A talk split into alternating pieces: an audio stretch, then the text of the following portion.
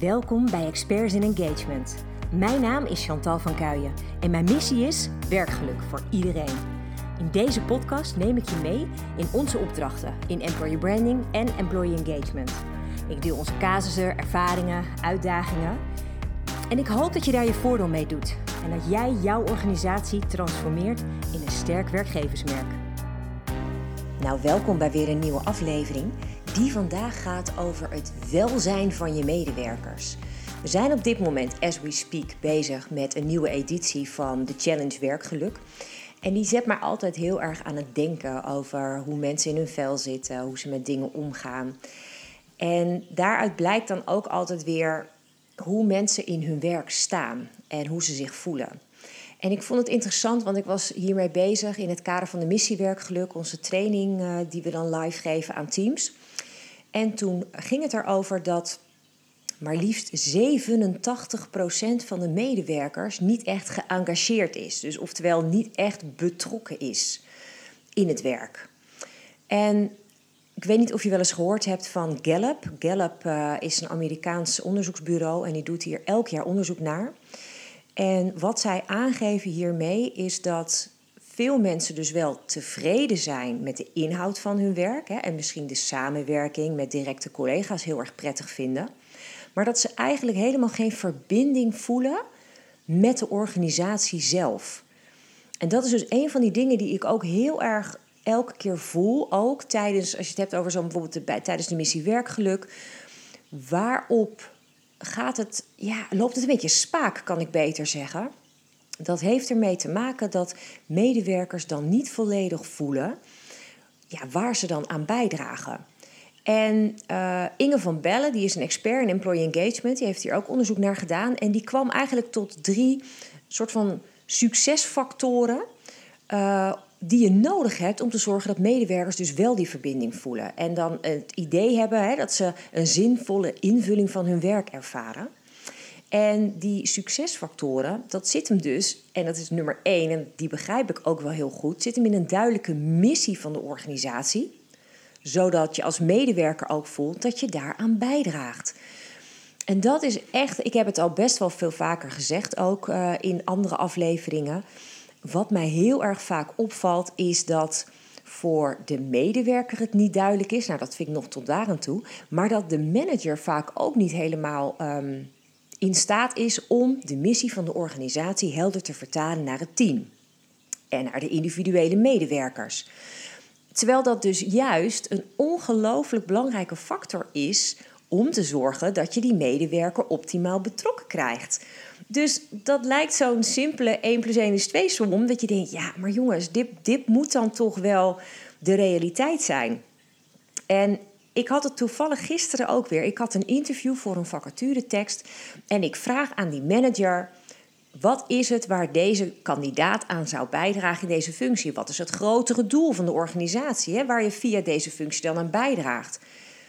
En ze sloeg helemaal dicht en ze zegt: Ja, dat is eigenlijk wel een hele goede vraag, maar ik zou het niet weten heb je even? Dus zij moest echt nadenken en ik was een beetje met haar aan het sparren, een beetje erover, um, ja, wat kritische vragen eromheen aan het stellen. En uiteindelijk kwamen we dan wel op waar de persoon aan bij zou dragen. Maar ik was toch weer verbaasd, en ik ben elke keer verbaasd, dat een manager dat niet gewoon zo in één keer kan noemen.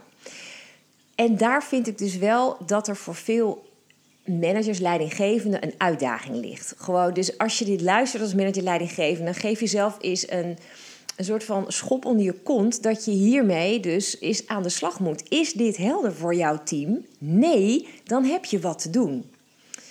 Um, en de volgende succesfactor, die is ook voor jou als manager, leidinggevende.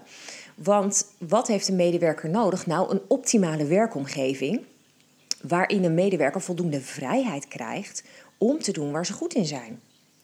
En om zich ook te kunnen blijven ontwikkelen. Want dat is ook wel, als je dat ziet hè, met de doelgroeponderzoeken die we ook uh, regelmatig hebben gedaan, dan zie je eigenlijk terug dat ongelooflijk veel mensen de behoefte hebben om zich te blijven ontwikkelen. Dat hoeft niet altijd heel erg diep in de functie te zijn, maar het kan ook zijn dat je in bepaalde persoonlijke vaardigheden wilt ontwikkelen. En wat ik dan ook heel opvallend vind, is dat veel mensen denken dat dat ergens als je 40, 45 bent stopt. Maar dat is ook helemaal niet waar. Er zijn voldoende mensen die boven de 50, 55 zijn, die ook nog nieuwe dingen ontdekken. Nou, dat vind ik dan bijvoorbeeld heel grappig als ik kijk naar het thema werkgeluk. Heel veel mensen die uh, al nou ja, een behoorlijke lange tijd meelopen op de werkvloer, hebben heel veel vaak voor vanzelfsprekend aangezien. Deden gewoon hun werk, stelden verder geen vragen, namen hun verantwoordelijkheid. Maar hebben die echt werkgeluk ervaren? Nou, lang niet in alle gevallen.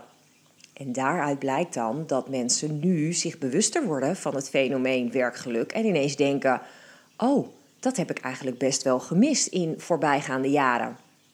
En dat vind ik heel erg mooi om te zien. Dat zelfs mensen die al zo lang meelopen in het werkende leven ook nog tot nieuwe inzichten kunnen komen. En bijvoorbeeld, heel simpel, wat ik heel mooi vond uit de vorige challenge Werkgeluk, is dat een van mijn uh, deelnemers zei, nou, die was echt al ruim over de 50. Die zei van, joh, ik heb er nooit bij stilgestaan wat het voor mij doet als ik 10, 15 minuten per dag even bewust de tijd voor mezelf neem.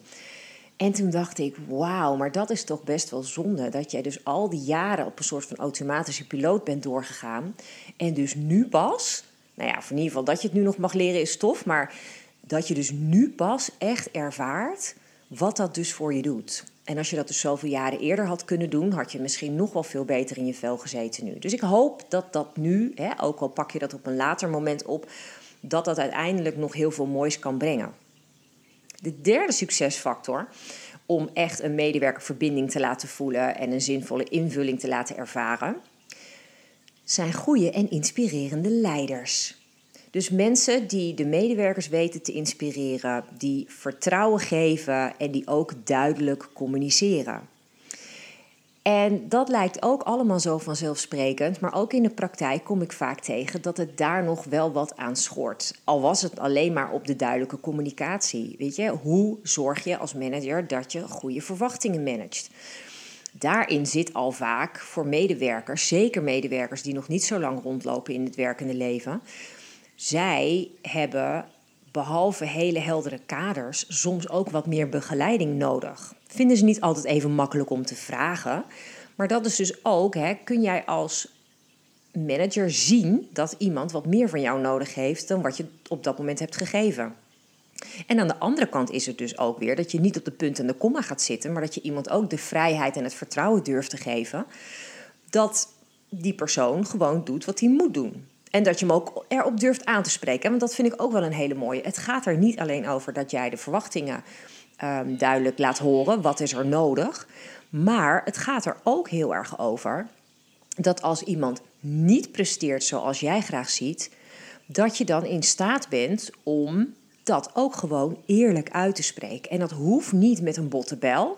Maar je kunt natuurlijk wel aangeven dat de dingen die nu gebeurd zijn niet helemaal stroken met de verwachting die je had en met de vraag: joh, hoe kunnen we dit een volgende keer beter doen?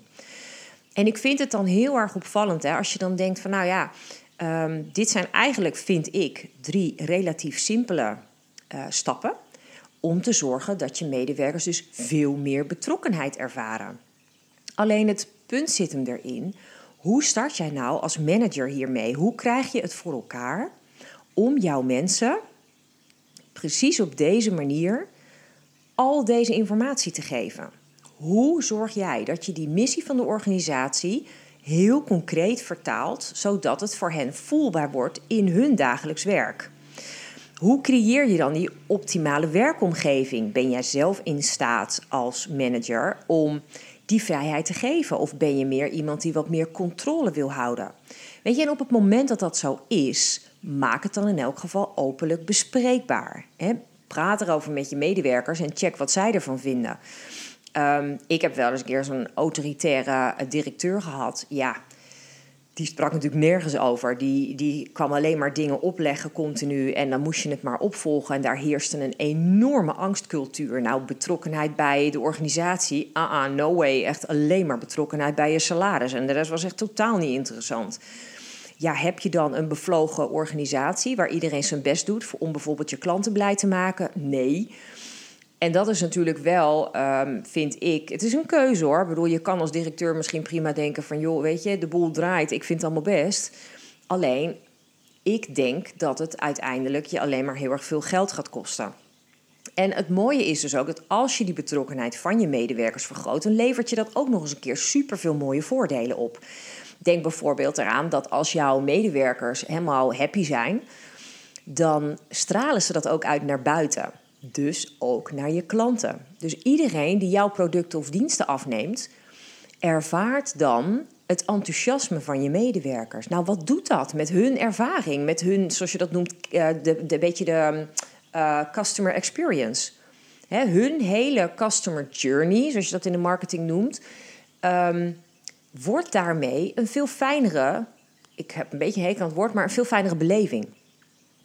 Dus je maakt daarmee het voor je klanten een stuk aantrekkelijker. En dat helpt natuurlijk ook voor je imago van je bedrijf. Het mooie is dat als iemand heel erg blij is met zijn werk bij je organisatie, dan praten ze daar ook vaak met meer trots over. Onderling, hè, dat is heel goed voor je internal brand. Dus het is heel goed voor onderling um, de band tussen medewerkers. Maar het is ook heel goed wat een medewerker naar buiten vertelt als hij met anderen in gesprek is. Want dat maakt je werkgeversmerk namelijk veel sterker en daardoor trek je ook weer makkelijker nieuw talent aan.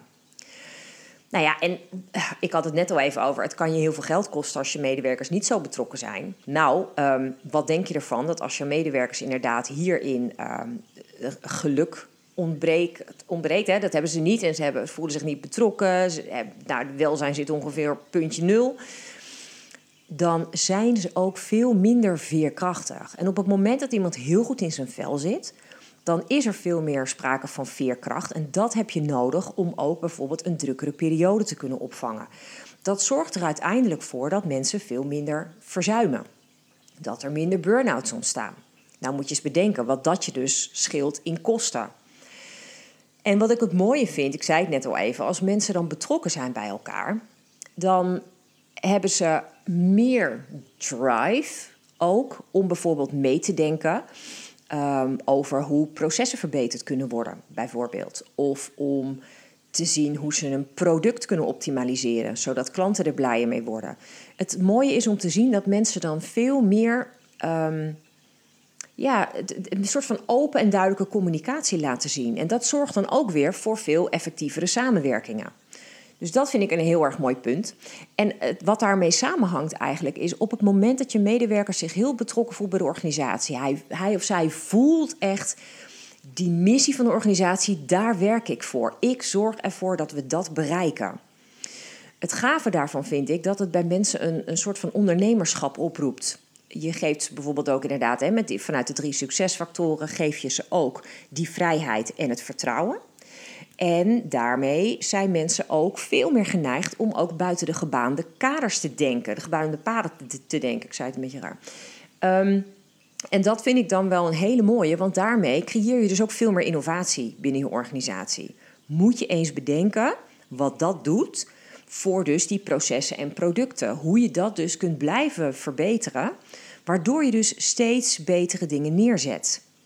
Nou ja, en uiteindelijk wat daarmee natuurlijk ook samenhangt, en als je het dan hebt over, uh, over kosten, is het natuurlijk heel fijn dat als mensen het ontzettend naar hun zin hebben, weten waar ze het allemaal voor doen, super betrokken zijn en de, de kans krijgen om echt bij te dragen ook aan vernieuwing, zijn ze veel minder snel geneigd om te vertrekken. En dat scheelt, want als je dus minder verloop hebt als organisatie, hoef je veel minder nieuw talent aan te trekken. Er is veel meer stabiliteit, meer vaste structuur in je organisatie. Moet je eens bedenken wat dat doet. Gewoon voor de hele organisatie. En het bizarre is dus, dit, het klinkt allemaal zo logisch, hè? dat je met gewoon puur door de betrokkenheid van, van medewerkers te vergroten, puur door het werkgeluk te vergroten, dat je daarmee stress vermindert, het gevoel van werkdruk vermindert. Want laten we eerlijk zijn, werkdruk is vaak een gevoel. Het is een bepaalde perceptie van een medewerker die niet per se de realiteit hoeft te zijn. Zet op een basisschool vijf leerkrachten naast elkaar en ze hebben alle vijf een ander gevoel van werkdruk. Dus dat zegt heel veel over hoe iemand zelf in zijn vel zit. Ik vind het wel echt te gek als je ziet wat er gebeurt hè, op het moment dat iemand gaat snappen um, wat hij bijdraagt aan de missie van de organisatie hoe dat uiteindelijk ook die intrinsieke motivatie in één keer vergroot. Alsof er een soort klik ontstaat een soort chemistry ineens bestaat. Ehm, en dat is, dat is zo fantastisch om te zien. En dat vind ik wel heel erg mooi. Want juist als je dat voelt, hè, die, je hebt een, een enorme boost aan motivatie. Wat zich vaak dan ook heel erg uit in enthousiasme. Nou, dat, dat draagt natuurlijk ook weer bij aan een betere team spirit. Ja, en iedereen is dan vitaler, fitter, um, zit gewoon, is vrolijker. Dus er wordt veel meer plezier ervaren. Ja, weet je, ik op mijn beurt begrijp oprecht niet dat organisaties dit niet op nummer 1 hebben staan. In hun beleid op het gebied van HR, op het gebied van ontwikkeling van mensen. Want ik geloof namelijk dat dit echt wel ongelooflijk welkom is. Als ik kijk naar de laatste cijfers van TNO um, en van, van het CBS, als het gaat over bijvoorbeeld um, verzuim en, en burn-outs, dan vind ik het heel opvallend dat die cijfers, zeker binnen bepaalde branches, nog steeds groeien. Uh, bijvoorbeeld als je kijkt naar de gezondheidszorg en welzijn, daar hebben we gewoon een, een benchmark van 7,5% aan ziekteverzuim. En dat is misschien voor deze branches heel gewoon. Alleen ik zou denken, ja, maar jeetje, dat moet toch omlaag kunnen? Want als je bedenkt wat dat kost, dat is natuurlijk wel zonde. En het, het bijzondere is dat, dat als je kijkt naar openbaar bestuur en overheidsdiensten, was er ook gewoon een verzuim van 5,7 procent. Vind ik ook niet heel erg laag. In het onderwijs is het aantal ziekmeldingen zelfs met 77 procent gestegen. En ja, hè, tuurlijk hebben we heel erg te maken met dingen als COVID. Um, maar bedenk eens hoeveel meer mensen op dit moment klachten van burn-outs of depressies ervaren. Dat is ongelooflijk. En ik vind het wel jammer dat in heel veel gevallen um, je dus wel echt burn-outs hebt, terwijl dat dus eigenlijk helemaal niet zo nodig is. Het gaat erover dat mensen um, heel veel werkdruk en heel veel stress ervaren. En ik denk dus met alle dingen die ik net al eerder heb genoemd, dat het dus heel goed mogelijk moet zijn om binnen een team het gevoel van werkdruk en stress op zijn minst te verlagen. Dus dat vind ik wel een hele bijzondere. Ik denk dat dat um, misschien ook wel een beetje erin geslopen is dat dat gewoon werd gevonden. En eerlijk, het zit natuurlijk ook een deel in onze cultuur. Ik bedoel, gaan we de grens over en we kijken naar landen waar ze minder seizoenen hebben, waar het het hele jaar warm is bijvoorbeeld, dan ligt het tempo van alles ook een stuk lager. Um, maar ik vind ook wel dat bewustzijn mag er wel komen. Waarom leven wij in een maatschappij waarin we met z'n allen continu 300% moeten presteren? Waarom moet er maar steeds meer, meer, meer geld verdiend worden? Waarom moeten we maar steeds meer, meer, meer consumeren? Waarom niet eens wat bewuster naar dingen kijken? Moet het per se wel zo zijn dat er zoveel extra geld verdiend moet worden? Voor wie moet dat dan? ik denk, als we eens wat meer kijken naar de waarde die we brengen ehm, aan de wereld, aan de mensen om ons heen en vooral voor onszelf ook, dat we ook heel anders in het leven gaan staan. En dat je dan ook anders naar dingen kan gaan kijken, wat misschien ook wel veel meer rust gaat geven. Dat vind ik wel een hele bijzondere. En ik zou hierbij ook echt werkgevers, directeuren, managers, leidinggevenden, hoe je jezelf ook noemt, als jij medewerkers begeleidt op de werkvloer, kijk eens of je dat bewustzijn kunt vergroten. Of je met elkaar kunt kijken, jongens, waar doen we het eigenlijk met elkaar voor? Wat maakt ons enthousiast over wat we doen elke dag? Zijn er dingen die we kunnen verbeteren, wat dan vervolgens ook het vergroot uh, qua enthousiasme, hè, waardoor we blijer worden? En ja, ik denk als management en directie, ja, ik snap hoor dat iedereen uh, miljoenen wil verdienen. Hartstikke leuk. Wat doe je vervolgens met dat geld? Vind ik ook een hele interessante. Ik zie heel veel uh, directeur, groot aandeelhouders die miljoenen verdienen en vervolgens dat omzetten om nog maar meer geld te verdienen. Ik denk, ja, eerlijk, in mijn optiek, ik vind dat een beetje leeg.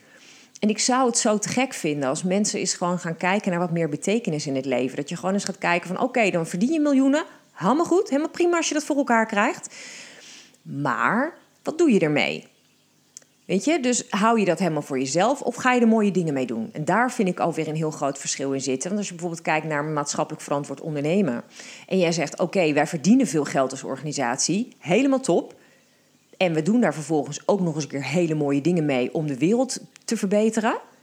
ja, dat, dat, dat zijn mijn ideale opdrachtgevers. Ik word blij van dat soort organisaties. Op het moment dat je echt iets nuttigs bijdraagt ehm, en er niet alleen maar zit om je eigen zakken te vullen, dan ben je voor mij de meest ideale werkgever. En ik, ik, ik, ik moet zeggen, ik merk ook bij opdrachten, ik krijg daar energie van. Ik vind het super fijn om zelf als, um, als ondernemer bij te mogen dragen om een andere organisatie verder te helpen. Als ik weet dat die organisatie iets moois doet.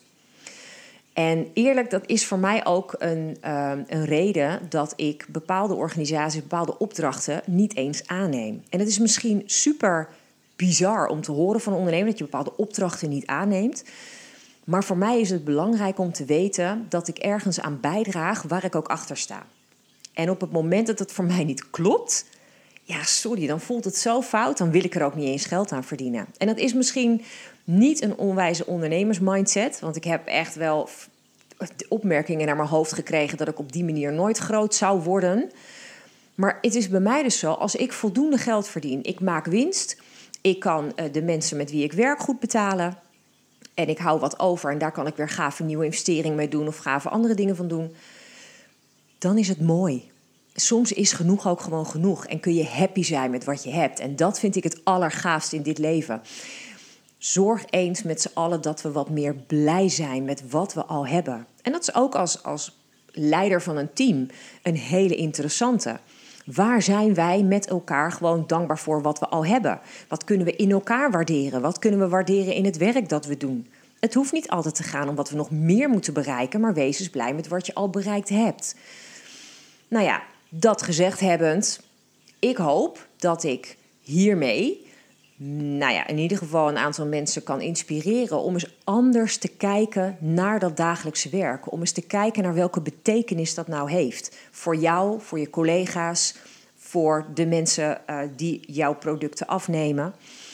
En merk je nou dat je heel erg vastloopt denk je van ja, ik weet eigenlijk helemaal niet hoe ik dit goed kan vertalen naar mijn uh, medewerkers. Of ik vind het heel erg ingewikkeld om dit duidelijke handvatten te geven om als team hiermee aan de slag te gaan. Dan heb ik in ieder geval goed nieuws voor je, want uh, we hebben weer een aantal nieuwe uh, missies werkgeluk. Dat betekent dat we, het zijn een soort teambuilding sessies, die kun je gewoon bij ons uh, boeken. En um, ik zal in de beschrijving van de podcast nog even een link plaatsen naar de website. Dan kun je er meer over lezen. Je kunt een brochure aanvragen. En dan um, hoop ik dat we je daarmee verder kunnen helpen. Dat dit geen issue meer is. En dat je gewoon in staat bent om met je team er iets fantastisch van te maken. Vol enthousiasme, vol motivatie, vol betrokkenheid, vol vitaliteit dat iedereen goed in zijn vel zit en dat je echt een voorbeeldteam wordt voor jouw organisatie. Hoe mooi zou dat zijn? Dank in ieder geval weer voor het luisteren en uh, heel graag tot de volgende aflevering. Ik hoop dat deze aflevering je inspiratie oplevert. Misschien is dit wel jouw nieuwe begin, de start van een sterk employer brand of optimaal werkgeluk voor jou en je medewerkers. Maar waar loop jij tegenaan? Welke vragen heb jij? Stel ze vooral via onze website employerbrander.nl slash podcast. Dan kom ik er graag op terug in een volgende aflevering. Tot snel!